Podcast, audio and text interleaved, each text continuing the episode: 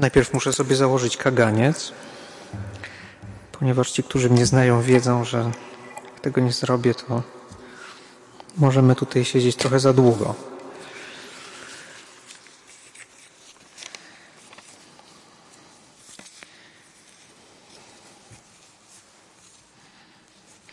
Moi drodzy,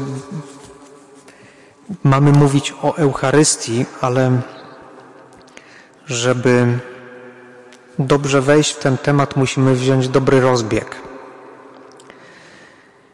Pierwszy krok do tego rozbiegu jest taki, żebyśmy mieli świadomość tego, że wchodzimy w święty czas. Tak naprawdę to każdy czas jest święty, ale ten jest szczególnie przeznaczony do tego, żeby, tak jak to ksiądz Łukasz ujął, spotkać się z Panem Bogiem. To może się wydawać slogan, jakiś taki wyświechtany bon mot, ale tak nie jest.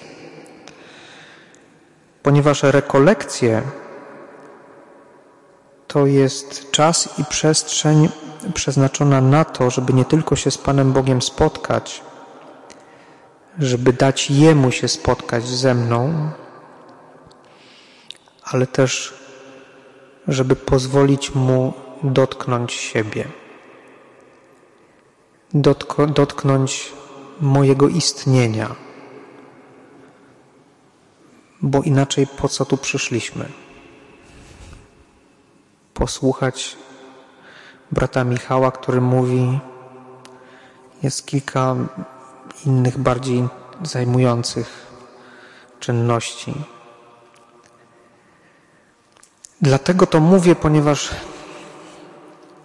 mamy w tej chwili natłok informacji. Może się zdarzyć tak, że jesteśmy już nawet zmęczeni ich odbieraniem ciągłym. Więc wcale nie wzywam Was do jakiegoś natężenia specjalnego słuchu, tylko wręcz do wyspokojenia się i otwarcia, i to wystarczy. Ale też do tej gotowości, żeby Pan, który jest, Będę o tym mówił na konferencji po Eucharystii, żeby On właśnie dotknął mnie, sedna mojego istnienia, w taki sposób, jak On sam tego chce.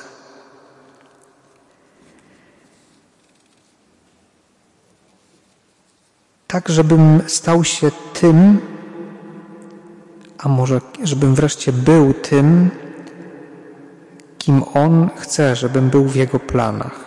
Jego plan jest najlepszy, bo On jest stworzycielem. I On po prostu wie najlepiej. Z tym, myślę, nie ma co dyskutować. Chociaż co my innego na co dzień robimy niż właśnie ta dyskusja z Panem Bogiem? Kim ja jestem?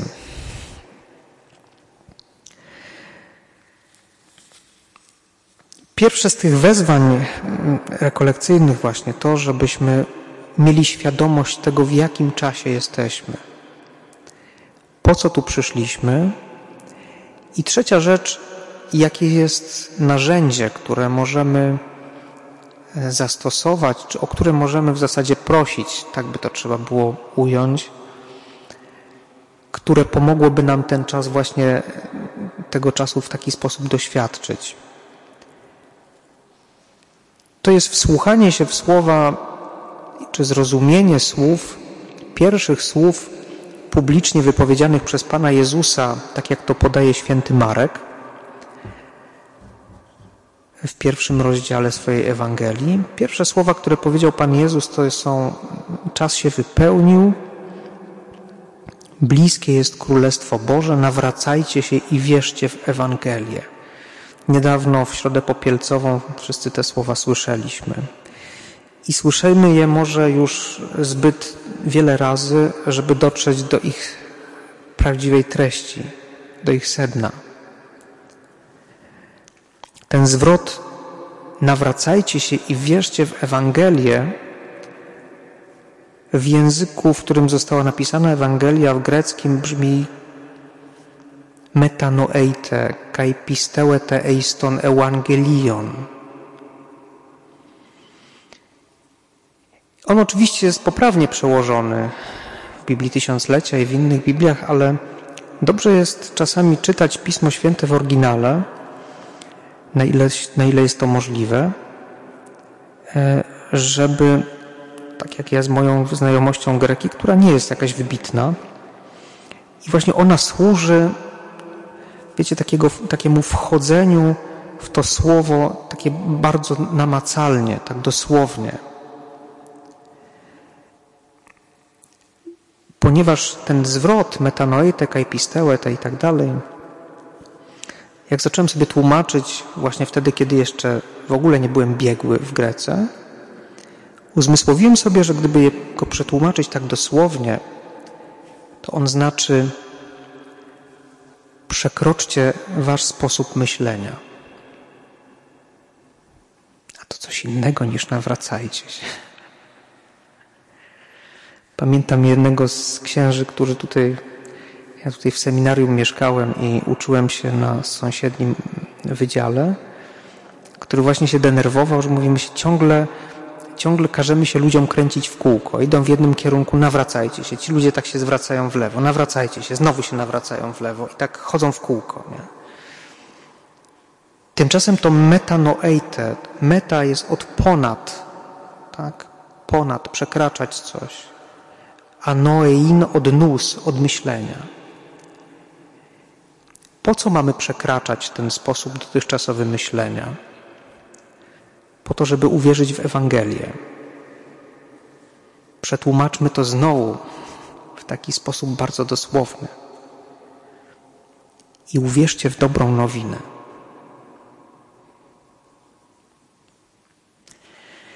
Myślę, że w tym czasie to, to wezwanie Jezusa wybrzmiewa bardzo mocno, żeby popatrzeć inaczej. Inaczej to znaczy jak? przekroczyć, przejść ponad tym wszystkim, co słyszymy dookoła. Słyszymy bardzo dużo złej nowiny. I zostawmy ją. Pan Jezus wzywa do tego, żebyśmy słuchali dobrej nowiny i żebyśmy jej wierzyli. Zmiana tego sposobu myślenia czy patrzenia wiąże się w pierwszym rzędzie z tym, czy w pierwszej kolejności z tym, żebyśmy tym przemienionym wzrokiem spojrzeli na siebie i zapytali siebie, kim ja jestem. Bo jeżeli chcę się spotkać z Panem Bogiem, spotkać, mm, chociaż to jest też piękne, spotkać tylko i patrzeć na siebie, wypatrywać oblicza Bożego. Boże mój, pragnę ujrzeć Twoje oblicze. Dzisiejszy referenc psalmu. To już wystarczy. Ale my wiemy, że w naszym życiu dzieją się różne rzeczy, które wymagają omówienia pewnych spraw z Panem Bogiem. I do tego, żeby spotkało się dwóch, konieczne jest to, żeby ci, którzy się spotykają, wiedzieli, kim są.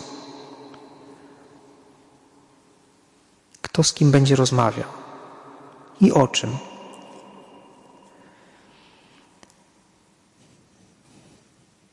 Kim jestem? Widzę, że jesteście tu w parach, czasami sami, E, jesteście w różnych relacjach, w relacjach ze sobą tutaj, tak, chłopak, dziewczyna, e, w relacjach być może syn, córka, rodzice. E, I my tych relacji ludzkich mamy prawdziwą mnogość, tak? Wobec profesora jestem studentem, wobec siebie nawzajem jesteśmy przyjaciółmi, tak? Ja jestem księdzem, kapłanem, wy jesteście wiernymi. Możemy te relacje mnożyć. Ale to wszystko są przypadłości, bez których moglibyśmy żyć. Wy moglibyście równie dobrze żyć bez tego, że ja tutaj jestem. Mógłby być ktoś inny i głosić to słowo. Wam dla zrozumienia siebie samych ja wcale nie jestem potrzebny. Więc jeżeli odpadną nam wszystkie przypadłości, wybaczcie te filozoficzne rozważania, już kończę, ale one są potrzebne. Jeżeli odpadnie nam wszystko z tych relacyjności i dojdziemy do naszej esencji, essere, być, do naszej istoty, to myślę, że jako ludzie wierzący zostaniemy z odpowiedzią: Jesteśmy chrześcijanami, jestem chrześcijaninem. To jest coś, co określa moje życie. A jeżeli tak nie myślałem do tej pory, to warto się zastanowić, dlaczego. Być może zasypały mnie inne informacje, być może coś, coś nie działało, ale co wyznacza kierunek mojego życia? Czy to, że jestem chrześcijaninem, do czego mnie pobudza w ogóle to, że jestem chrześcijaninem? Czy tylko do tego, żeby przyjść i posłuchać czegoś w kościele, żeby się spotkać z grupą? Co potem? To ma być ten dobry zaczyn. Nie jest przypadkiem, że dzisiaj, bo to Pan, u Pana Boga nigdy nie ma przypadków, że mamy to czytanie właśnie e, o uzdrowieniu na Amana. Zobaczcie, jak to się składa, bo myślę, że nam jako chrześcijanom, jeżeli czytamy to czytanie o, o właśnie o Naamanie z drugiej Księgi Królewskiej, no musi się to jakoś skojarzyć ze chrztem. Naaman, trędowaty. I to jeszcze Syryjczyk, poganin. Przychodzi i zanurza się w Jordanie. Przecież to jest dokładnie to, co, się, co zrobił Pan Jezus. To jest to za sprawą świętego Jana Chrzciciela. To jest dokładnie to, przez co my zostaliśmy włączeni w Kościół. Naaman zanurza się.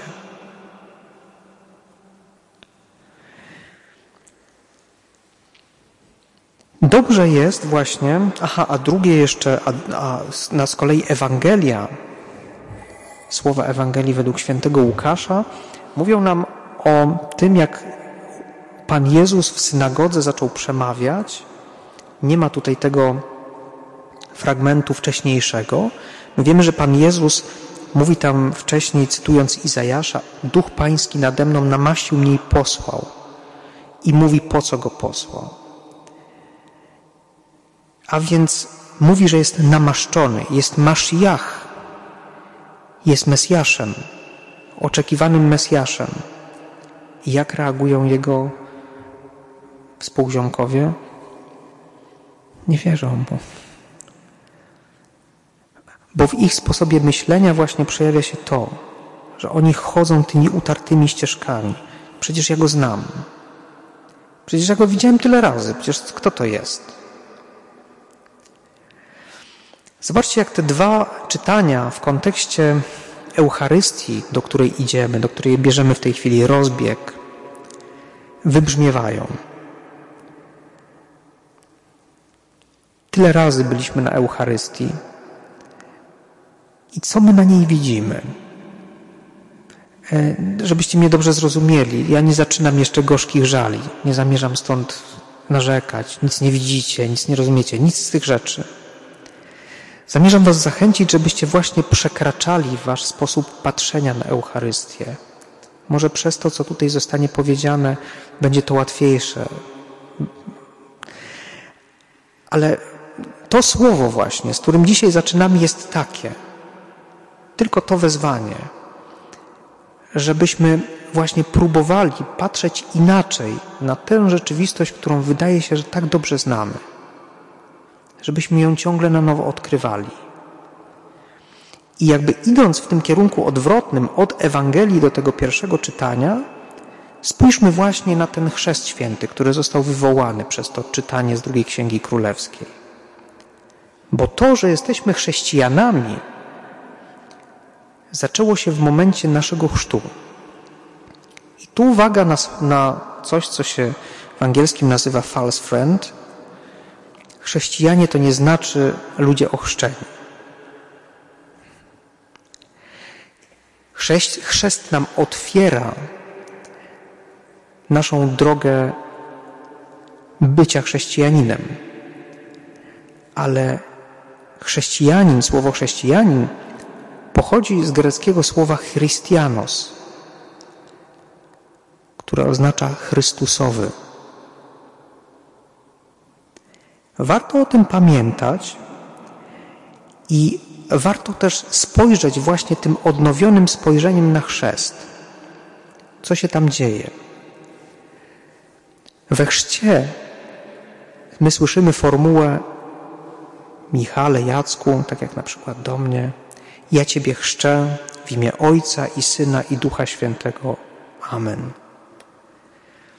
To jest formuła, którą właśnie trzeba rozpakować, żeby zrozumieć, że chrzest, żeby nie spłaszczyć tej rzeczywistości jedynie do nadania chrztu, do nadania imienia, przepraszam, i do jakiegoś staromodnego obrzędu włączenia do społeczności. To ma również ten wymiar, ale to jest dalece niewystarczające, żeby to opisać.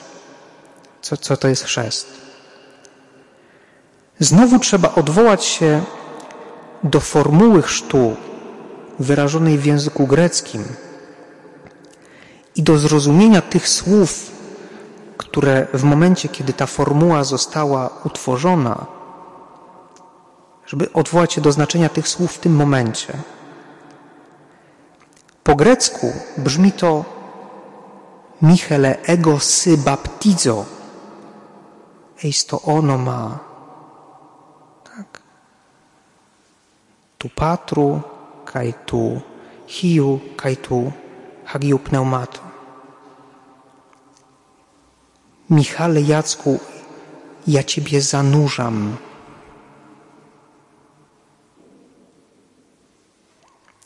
w imieniu. Imię, moi drodzy, dla starożytnych było równoznaczne z tym, co to imię oznacza, czyli w ogóle z samym imieniem. Tak? Imię było, przepraszam, tożsame z tym, kogo oznaczał. Więc jeżeli formuła chrztu brzmi Michale, ja Ciebie zanurzam w imieniu, to znaczy ja Ciebie zanurzam w trójjedynym Bogu, Ojcu i Synu i Duchu Świętym. Widzimy, co się tutaj dzieje. To jest zanurzenie w Przenajświętszej Trójcy, które się dokonało i które nie miało charakteru jednorazowego bo jak naucza Kościół, chrzest wyciska na chrześcijaninie niezatarte znamie, to znaczy chrztu się już nie da cofnąć. Ktoś, kto został ochrzczony, jest już na zawsze zanurzony w Trójcy Świętej. To chyba zmienia perspektywę. My dlatego się właśnie nazywamy chrześcijanami, nie że raz zostaliśmy ochrzczeni i na tym koniec, i już więcej żadnych skutków to nie wywołuje, poza tym, że zostaje nam imię. Tylko, że od tej pory żyjemy raz na zawsze zanurzeni w Trójce Świętą. To jest ten wzrok, o który apeluje Jezus Chrystus w momencie rozpoczynania swojej misji. To jest właśnie to rozumienie rzeczywistości. Ponieważ jak święty Paweł w liście do Koryntian bodajże to formułuje, rzeczywistość należy do Chrystusa. To znaczy to, co my widzimy, to, czego używamy jako właśnie tych rzeczy dotykalnych, które możemy wziąć, potrzymać dla uciechy, które wykorzystujemy w liturgii, to jest odblask, z jednej strony zaledwie odblask rzeczywistości duchowych, ale z drugiej strony to jest odblask rzeczywistości duchowej. to jest taka sama rzeczywistość jak to, co w tej chwili widzę i mogę dotknąć. To jest. Ten rozbieg, moi drodzy, był mi potrzebny do tego, co zamierzam powiedzieć na konferencji. Mam nadzieję, że te słowa metanoeite przekroczcie wasz sposób myślenia, patrzenia, uwierzcie w dobrą nowinę, że zdołałem wam przekazać, o co mi chodzi w tym przesłaniu i w jakich rejestrach będziemy się dalej poruszać podczas konferencji, podczas następnych homilii, podczas może dyskusji, nie wiem co jest zaplanowane, ale żebyśmy właśnie patrzyli w ten sposób, że podczas każdego sakramentu, że sakrament, każdy sakrament to jest rzeczywistość Boga, który jest i działa. Bóg do Mojżesza kiedy ukazał mu się na świętej górze jako w, w płonącym krzaku, powiedział mu, że się nazywa Ja jestem. Nie ja byłem albo ja będę, tylko ja jestem.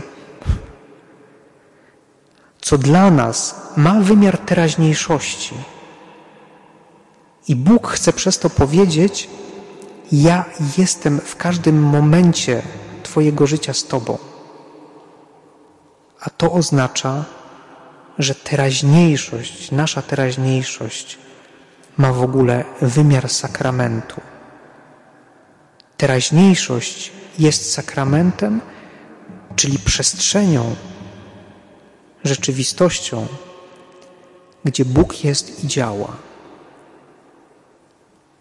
I to jest jeden, jeden z pierwszych wymiarów tej dobrej nowiny, o której mówi Pan Jezus. Bóg jest i działa. Choćby nam się wydawało, że zło się sroży i że wszystko się rozpada, On jest i działa. I nie pozwoli, żeby nam włos z głowy spadł bez Jego wiedzy.